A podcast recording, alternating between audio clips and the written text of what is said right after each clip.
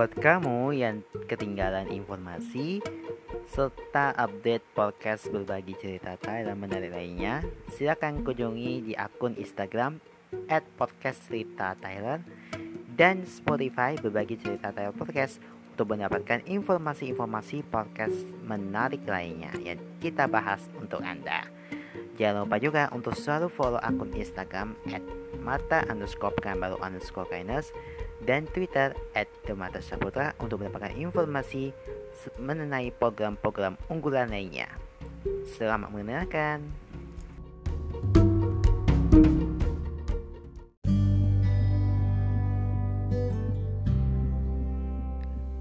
Di season 2 kali ini kita akan tampil dengan lebih beda, lebih baru, dan lebih seru Menceritakan sebuah pengalaman, kisah di Bali Tyler, dan peristiwa Inilah podcast berbagi cerita Tyler. Apa kabar kalian semuanya yang ada di sini, yang lagi di rumah, yang lagi di tempat rebahan, yang lagi di ngantor, kurang kali ya kan? Semoga kalian tetap semangat dan terus memperhatikan protokol kesehatan di mana pun kalian berada. Oke, ketemu lagi di podcast berbagi cerita Tyler yang hampir sudah hampir dua bulan ya kita ngetek podcast ini. Dari mulai Maret ya, mulai Maret, April, Mei, Juni, Juli, lima bulan kita bisa hadir. Walaupun di tengah pandemi kita harus tetap semangat dengan optimis akan mendapatkan hal yang sangat terbaik. Baik, hari ini seperti yang kami janjikan sebelumnya, hari ini kita akan membahas salah satu fakta atau sistem penulisan yang digunakan untuk tunanetra atau orang dengan penglihatan rendah. Nah, ini dia huruf Braille yang ada bintik-bintiknya itu kan. Nah, sebelum kita membahas tentang huruf Braille, terlebih dahulu kita simak dulu apa itu huruf Braille. Nah, jadi huruf Braille adalah sejenis sistem penulisan atau tulisan sentuh yang digunakan oleh tunanetra.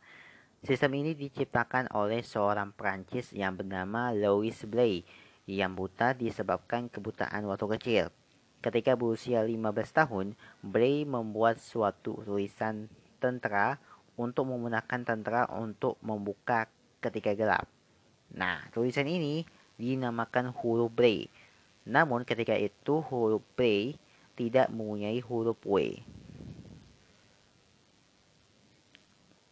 Kita lihat sejarah dulu ya.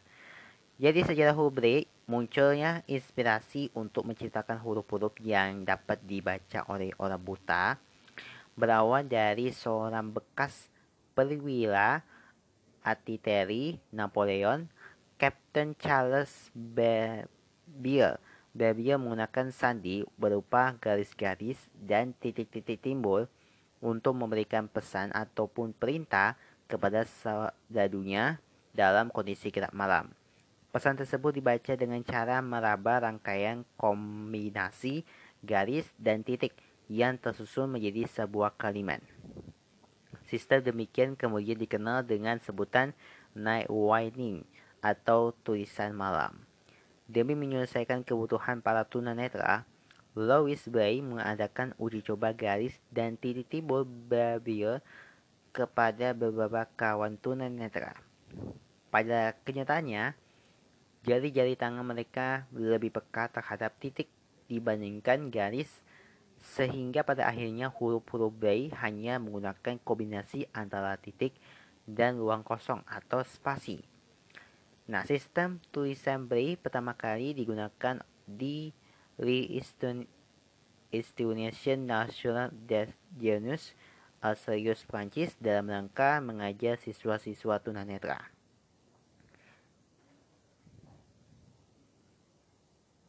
Oke, Kontroversi mengenai kegunaan huruf B di Prancis sempat muncul hingga berujung pada pemecatan Dr. Ping Miner sebagai kepala lembaga dan larangan penggunaan tulisan Braille di tempat Louis mengajar. Karena sistem baca dan penulisannya yang tidak lazim, sulit untuk meyakinkan masyarakat mengenai kegunaan dari huruf Braille bagi kaum tunanetra. Salah satu penentang tulisan Braille adalah Dr. Dufaru, asisten direktur L Institution National des Jurus Agrarius Danau kemudian diangkat menjadi kepala lembaga yang baru. Nah, untuk memperkuat gerakan anti-Braille, semua buku dan saringan yang ditulis dalam huruf B dibakar dan disita. Namun disebabkan perkembangan murid-murid tunanetra yang begitu cepat sebagai bukti dari kegunaan huruf B. Menjelang tahun 1847, sistem tulisan tersebut diperbolehkan kembali. Pada tahun 1851, tulisan Braille diajukan pada pemerintah negara Perancis agar diakui secara sah oleh pemerintah. Sejak saat itu, penggunaan huruf B mulai berkembang hingga luas hingga mencapai negara-negara lain. Pada akhir abad ke-19, sistem tulisan ini diakui secara universal dan diberi nama tulisan Braille. Pada tahun 1956, Dewan Dunia untuk Kesejahteraan Tunanetra atau The World Council for the Well of the Braille menjadikan bekas rumah Louis Braille sebagai museum. Kediaman tersebut terletak di Confrey, 40 km sebelah timur Prancis. Eh, Paris masuk kami. Oke, sistem huruf Braille. Sistem tulisan Braille mencapai taraf kesempurnaan pada tahun 1834. Huruf-huruf Braille menggunakan kerangka penulisan seperti katu humino Satuan dasar dari sistem tulisan ini disebut sel Braille, di mana tiap sel terdiri dari enam titik timbul, tiga baris dengan dua titik. Keenam titik tersebut dapat disusun sedemikian rupa hingga menciptakan 64 macam kombinasi. Huruf Braille dibaca dari kiri ke kanan dan dapat melambangkan abjad, tanda baca, angka, tanda musik, simbol matematika, dan lainnya. Ukuran huruf B yang umum digunakan adalah dengan tinggi sepanjang 0,5 mm, eh 0,5 mm serta spasi horizontal dan vertikal antara titik dalam sil sebesar 2,2,5 mm. Abjad Braille Nah, jadi belai ini terdiri dari sel yang mempunyai enam titik timbul yang dinomorkan sebagai berikut.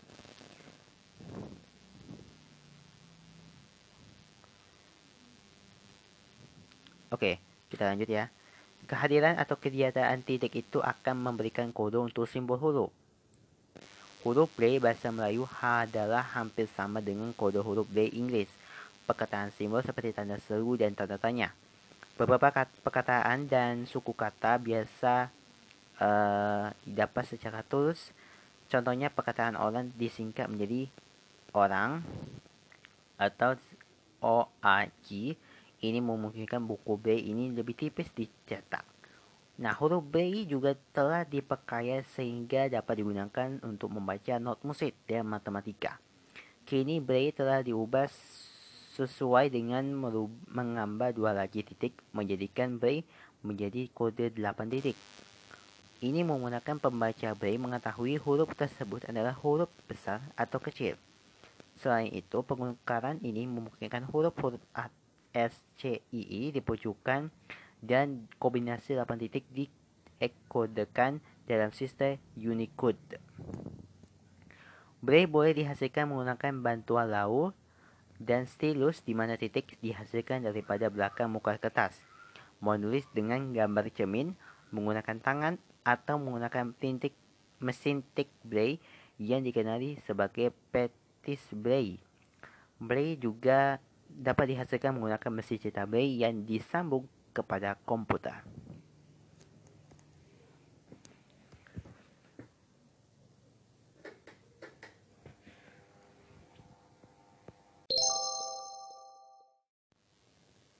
Lima fakta yang kamu tahu tentang huruf Braille.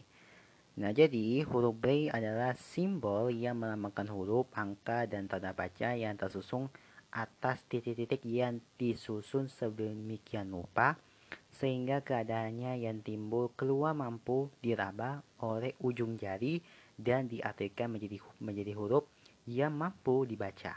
Huruf Braille sangat berguna bagi teman-teman yang penyandang tunanetra yang pada akhirnya dapat melihat dan membaca huruf dan tulisan lewat tangan mereka. Huruf Braille memiliki sejarah yang panjang sebelum pada akhirnya digunakan secara internasional seperti sekarang ini. Maka berikut ini adalah 5 fakta yang harus kamu tahu tentang fakta huruf Braille ini. Disimak ya. Yang pertama, diciptakannya seorang tunanetra Prancis, Louis Braille. Louis Braille terlahir dengan keadaan normal dan dapat melihat dengan baik pada tanggal 4 Januari 1809. Oke, kita lanjut. Namun, saat berusia tiga tahun, ia mengalami kecelakaan di ruang kerja ayahnya yang membuatnya mengalami kebutaan permanen akibat matanya yang tertusuk benda tajam.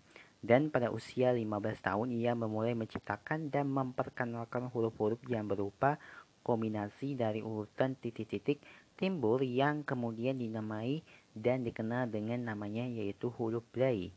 Dan hingga saat ini selain nama yang diabadikan, hari lahirnya Louis Braille pun diperingati sebagai Hari Braille Internasional. Berikutnya awalnya digunakan untuk membantu tentara membaca dalam gelap.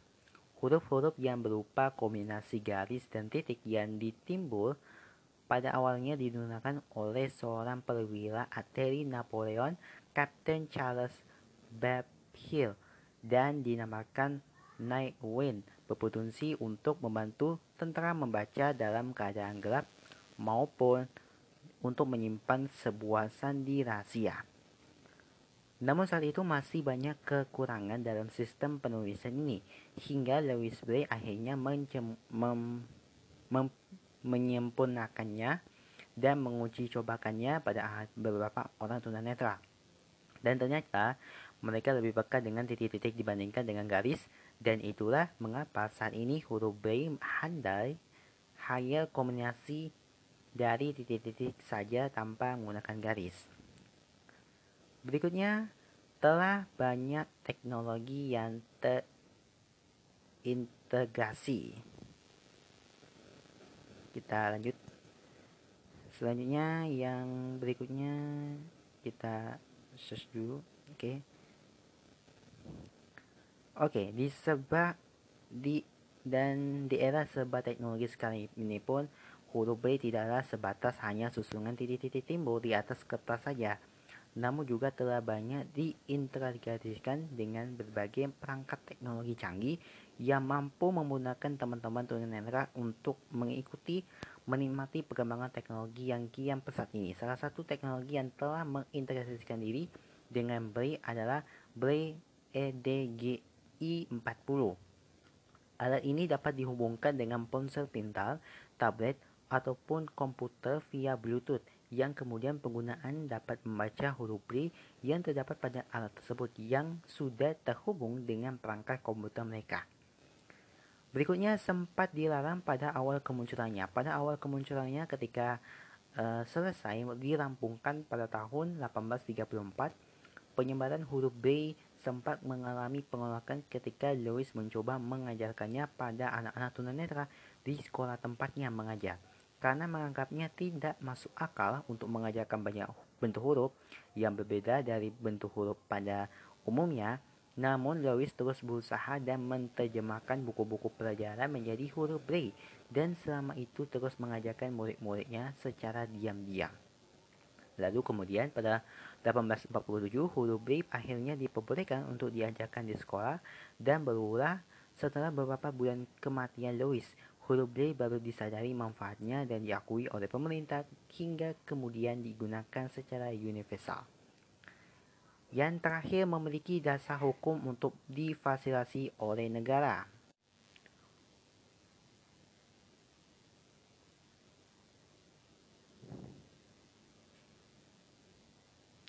Berikutnya Mengingat pentingnya keberadaan huruf ini untuk memudahkan teman-teman tunanetra mengakses informasi, PBB telah mewajibkan setiap negara untuk mengoptimalkan dan mengusahakan sarana dan prasarana terkait penyiaran huruf Braille. Penyediaan akses termasuk sarana pendukung produksi Braille bagi ragam disabilitas seorik netra menjadi tanggung jawab negara. Kata Terry Mutuku ini terjadi dalam beberapa pasal UNCRPD. Nah, itu adalah beberapa fakta huruf B yang harus kamu tahu. Selalu ada ruang untuk bertumbuh. Apa tujuan kita mengembangkan kearifan? Sering-seringlah tanyakan hal ini pada diri kita sendiri. Kerja keras dan pengabdian demi misi hiduplah yang memberi arti pada kehidupan. Pengalaman tiga tahun terakhir ini merupakan sebuah perjalanan dari revolusi manusia saya. Saya bersyukur sekali bisa mendapatkan kesempatan meraih pendidikan S2 di Universitas Osaka, Jepang. Dan kini mulai bekerja di Jepang. Kemenangan mewujudkan impian di masa muda untuk kuliah ini di Universitas Osaka ini adalah telah dicapai lewat perasaan kepercayaan. Seperti kata Daisohi bahwa tiada doa yang tidak dikabulkan. Tantangan pertama di awal saya berkuliah di SUJ adalah kemampuan berbahasa asing. Bukan hanya untuk bahasa Jepang yang memang belum bisa saya kuasai, tapi juga bahasa Inggris di jurusan pasca saya nak pengajaran bahasa Inggris atau teaching English to speak of outer language yang saya ambil. Kuliah sepenuhnya dalam bahasa Inggris merupakan pengalaman pertama saya. Banyak sekali istilah akademi yang sulit dipahami, namun ini menjadi uh, motivasi saya untuk belajar dan memperdalam kemampuan saya dalam bahasa Inggris. Dan saya mencoba lebih membukakan diri dan lebih banyak berbicara dan membaca untuk meningkatkan kemampuan bahasa Inggris saya ya serta memahami materi kuliah yang saya berikan. Setiap materi kuliah, saya pun terus berdiam moku dan bertekad untuk bisa benar-benar meningkatkan kemampuan saya dalam berbahasa Inggris. Kurang dari satu minggu di Universitas Osaka ya saya langsung dibanjiri dengan uh, kesibukan kuliah maupun kegiatan persiapan uh, festival Osaka di bulan November. Selain itu tantangan lainnya yang juga saya rasakan oleh kebanyakan mahasiswa adalah masalah keuangan sih. Selama kuliah saya bertekad untuk meminimalisir pengeluaran uh, agar tidak memberatkan keuangan keluarga. Saya sangat berterima kasih kepada Ike Sasing yang karena selama saya kuliah itu bisa menerima uang saku bulanan dari Universitas Osaka lewat Maki Kuhi Scholarship Foundation yang cukup untuk membayar iuran asrama dan biaya hidup di masa kuliah. Saya juga bisa mendapatkan pekerjaan sambilan di Fasilitas World Language Center Universitas Osaka sebagai fasilitator diskusi bahasa Inggris yang memberi tambahan uang saku bagi saya.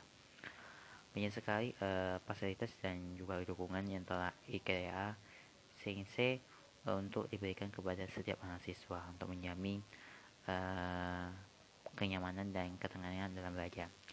Lewat kerja keras dan perjuangan untuk terus memandang, memantang diri pada semester pertama saya berhasil untuk menutaskan setiap mata kuliah dengan nilai yang memuaskan.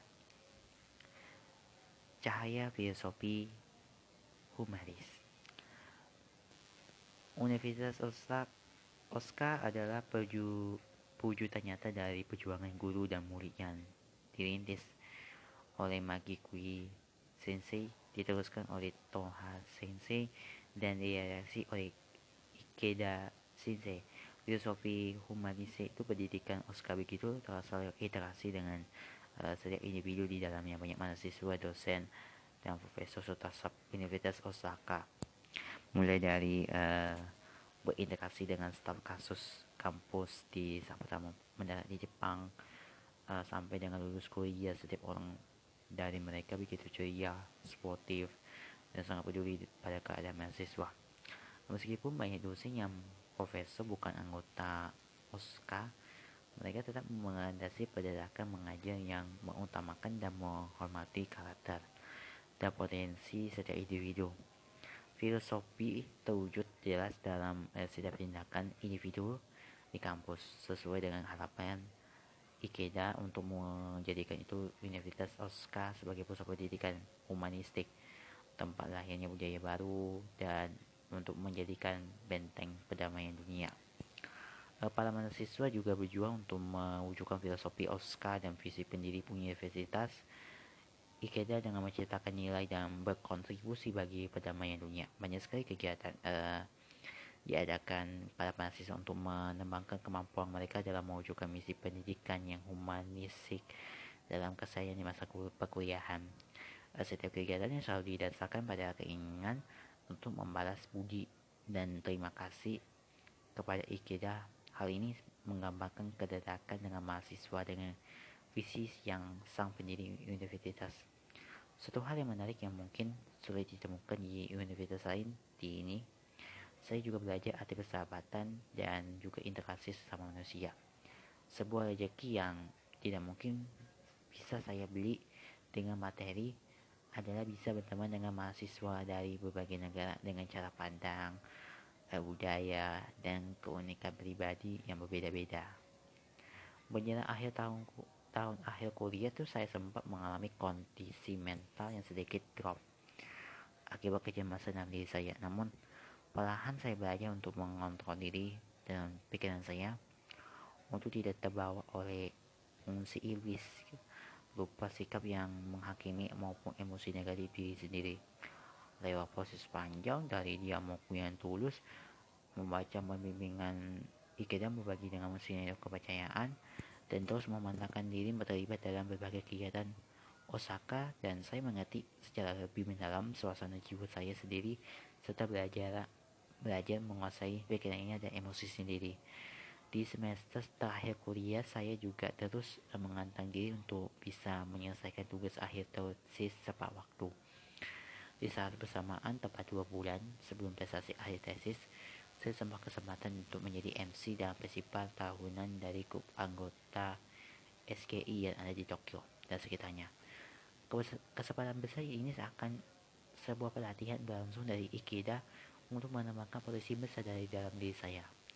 Saya beryamoku dengan segenap hati dan berarti untuk bisa menyelesaikan festival tersebut dan berjuang untuk bisa melaporkan kemenangan dalam sesi saya lewat doa dan dukungan dari semua teman-teman, teman kuliah dan para profesor, saya akhirnya bisa meraih kemenangan dan bersifat tersebut dan lulus dengan hasil yang memuaskan. Saya juga bisa mempresentasikan hasil penelitian saya di dua konferensi internasional di Medan, Indonesia dan Kucing, Malaysia sebulan sebelum wisuda sih. Uh, setelah lulus kuliah sih saya mulai mencari kerja masa yang cukup menantang hidup dalam kehidupan saya.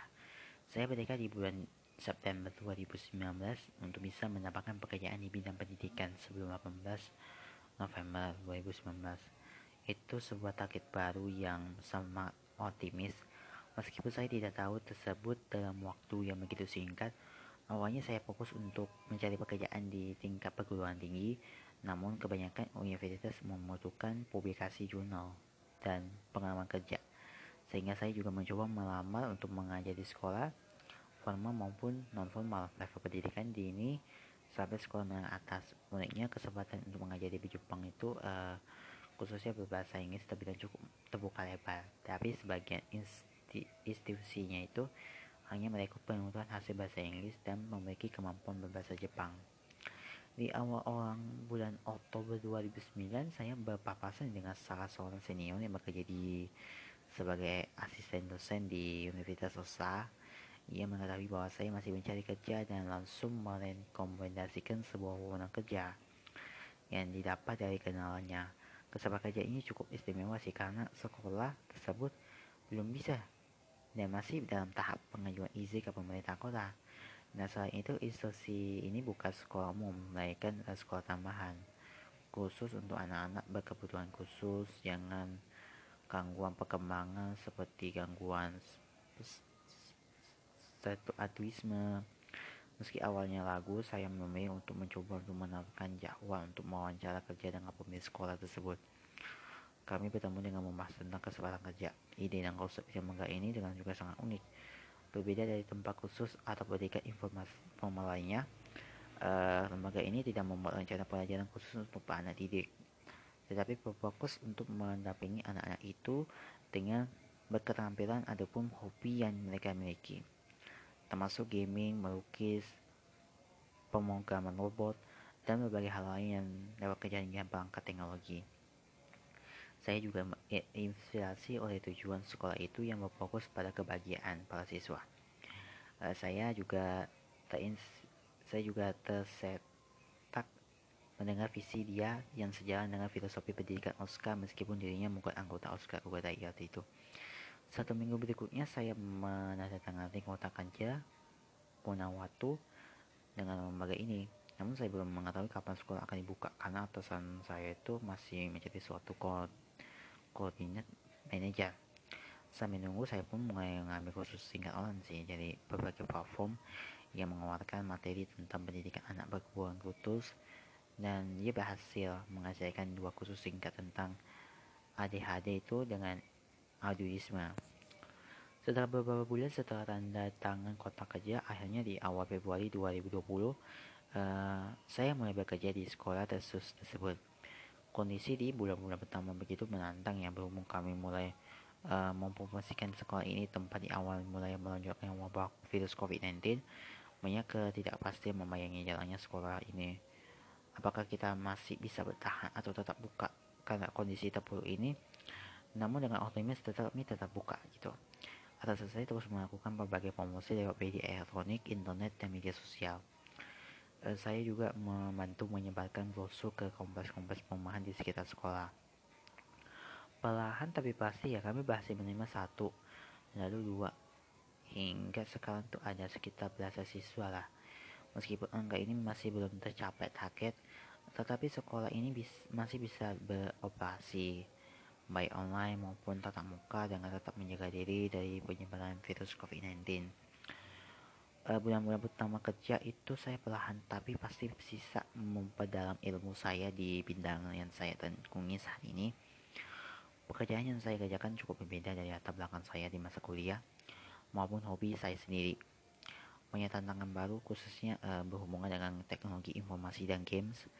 Saya pun menerima banyak sekali masukan serta nasihat dari atasan saya yang terkadang begitu tegas dengan keras atas kinerja saya yang belum maksimal dalam bekerja. Namun saya tidak ingin uh, menyerah.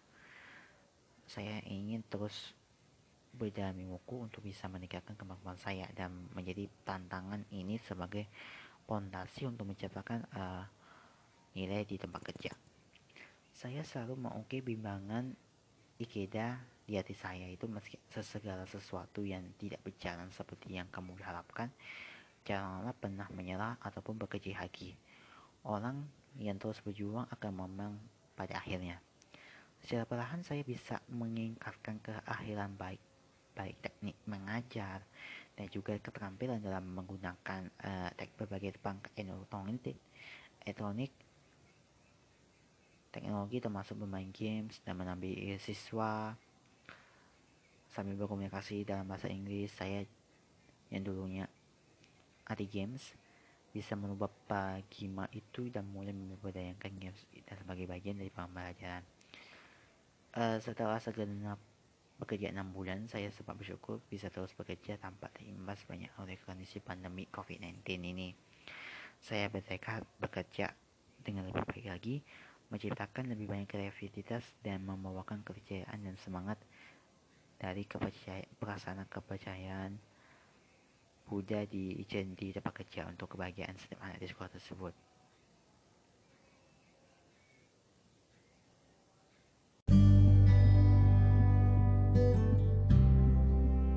Berbagi cerita Tyler hanya di Spotify.